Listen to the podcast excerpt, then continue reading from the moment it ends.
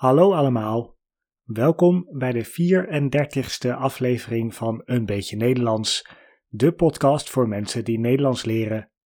Mijn naam is Robin en de aflevering van vandaag gaat over Prinsjesdag. De tekst van deze aflevering kan je meelezen op de website van de podcast www.eenbeetjenederlands.nl. Deze podcast wordt gesteund door de vrienden van de podcast. Heel erg bedankt aan alle donateurs die de afgelopen tijd hebben bijgedragen. Wil jij ook vriend van de podcast worden? In de show notes kan je een link vinden met meer informatie. Nu door met de podcast.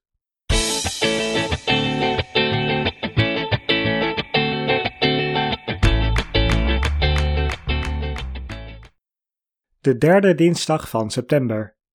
Voor de meeste mensen is dit een willekeurige dag in het jaar, maar voor Nederlanders is het een belangrijke dag. Ieder jaar op de derde dinsdag van september is het namelijk Prinsjesdag. Prinsjesdag is een traditie die al sinds 1815 bestaat. Op Prinsjesdag worden de plannen van de regering voor het komende jaar bekendgemaakt. De koning van Nederland, koning Willem-Alexander, leest op Prinsjesdag de zogenaamde troonrede voor. Daar zal ik zo meer over zeggen en ik ga het hebben over hoe Prinsjesdag eruit ziet. De eerste vraag die je misschien hebt is: waarom heet het Prinsjesdag als de koning de troonrede voorleest? Zou het niet logischer zijn om de dag Koningsdag te noemen? Maar Koningsdag bestaat natuurlijk al. De naam Prinsjesdag komt uit de tijd dat Nederland nog geen koning had. Als je de podcastaflevering over het Wilhelmus geluisterd hebt, weet je dat Willem van Oranje de titel Prins van Oranje had. Prinsjesdag was in het begin een feestdag op de verjaardag van Willem V, die een aantal generaties later leefde. Tegenwoordig gebruiken we nog wel de naam Prinsjesdag, maar is de inhoud van de dag veranderd. Op Prinsjesdag worden de plannen van de regering bekendgemaakt. Dat gebeurt in de zogenaamde troonrede. Een rede is een ander woord voor toespraak, en omdat de koning op zijn troon de toespraak voorleest, heet het de troonrede. De troonrede bestaat uit twee gedeelten.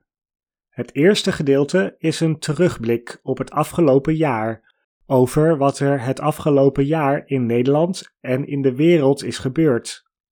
In de troonrede van 2021 werd bijvoorbeeld stilgestaan bij de coronacrisis.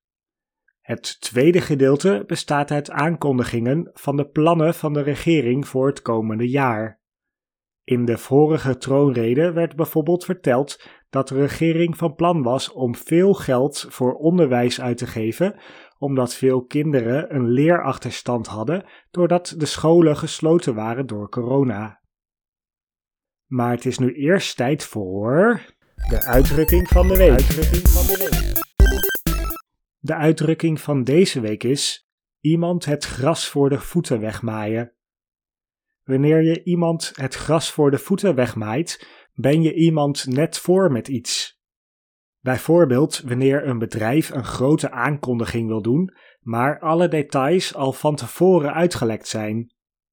Ik moest aan deze uitdrukking denken omdat het bijna traditie is geworden dat de inhoud van de troonrede uitlekt in de dagen voor Prinsjesdag. Dan is dus het gras voor de voeten van de koning weggemaaid. Tot nu toe klinkt Prinsjesdag misschien niet zo spannend, het zijn dan ook de tradities die bij Prinsjesdag horen die de dag interessant maken. Prinsjesdag vindt plaats in Den Haag, waar de Nederlandse regering is gevestigd en de koning woont. Het voorlezen van de troonrede gebeurt in de Ridderzaal, een eeuwenoud gebouw op het Binnenhof. Het Binnenhof is het politieke centrum van Nederland, waar ook de Eerste en de Tweede Kamer liggen. Om één uur s middags vertrekken koning Willem-Alexander en koningin Maxima vanuit Paleis Noordeinde naar de troonzaal.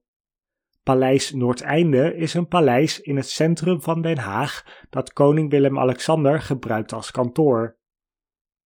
De koning en koningin worden op Prinsjesdag met een koets opgehaald. Tot een paar jaar geleden werd de gouden koets gebruikt. De naam omschrijft de koets goed. De koets is grotendeels goudkleurig. Meer dan 100 jaar is de gouden koets gebruikt om het staatshoofd te verplaatsen. Er is de laatste jaren discussie rond de gouden koets geweest, vooral vanwege de versieringen die op de zijkant van de koets zitten. Op een van de zijkanten zie je een schilderij met inwoners van de oude Nederlandse koloniën, Suriname en Indonesië. In het midden van de schildering zit een witte vrouw die Nederland symboliseert. De inwoners van de koloniën geven de witte vrouw goederen als eerbetoon.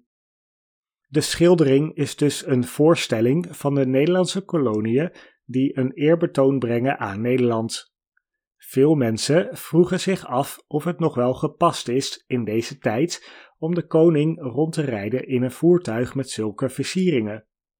Mede hierom wordt de gouden koets niet meer gebruikt op Prinsjesdag.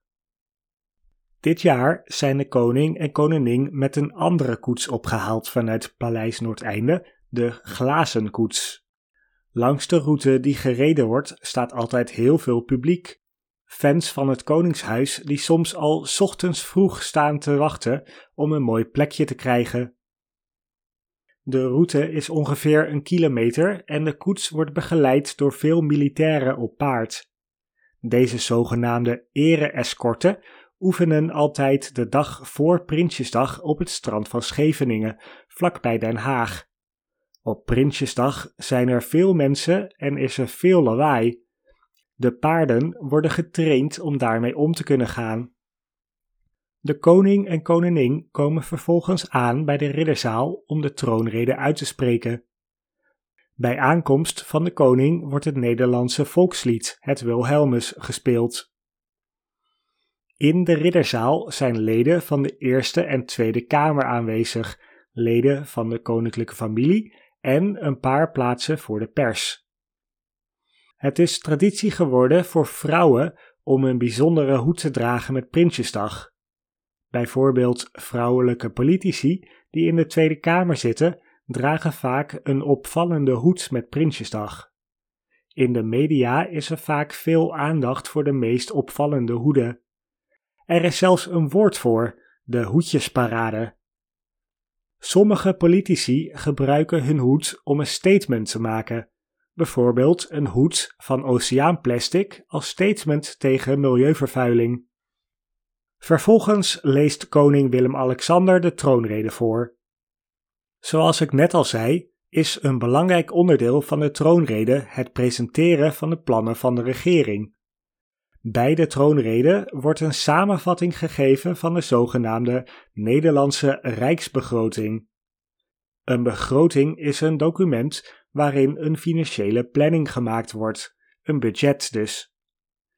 Ieder jaar presenteert de minister van Financiën de Rijksbegroting, die ook wel de miljoenennota genoemd wordt. Ook dit gaat met veel tradities en ceremonie. Er is een speciaal koffertje dat ieder jaar gebruikt wordt om de miljoenennota aan de Tweede Kamer te presenteren. In de miljoenennota staan de belangrijkste plannen van het kabinet voor het volgende jaar. Bijvoorbeeld waar het kabinet extra geld aan wil uitgeven, bijvoorbeeld onderwijs of het milieu. En ook hoe dat betaald gaat worden, bijvoorbeeld of er bezuinigd moet worden op een ander gebied. Bezuinigen betekent ergens minder geld voor gebruiken. Een paar dagen na Prinsjesdag is er een belangrijk debat in de Tweede Kamer, waarbij de miljoenennota het onderwerp is. Dat heten de algemene politieke beschouwingen en zijn de belangrijkste dagen in het politieke jaar. Daarmee kom ik aan het einde van Prinsjesdag en deze aflevering. Maar volgende week ga ik nog even door op dit onderwerp. Dan gaan we ook een stukje van de troonrede luisteren. Ik hoop dat je een beetje Nederlands geleerd hebt en tot de volgende aflevering.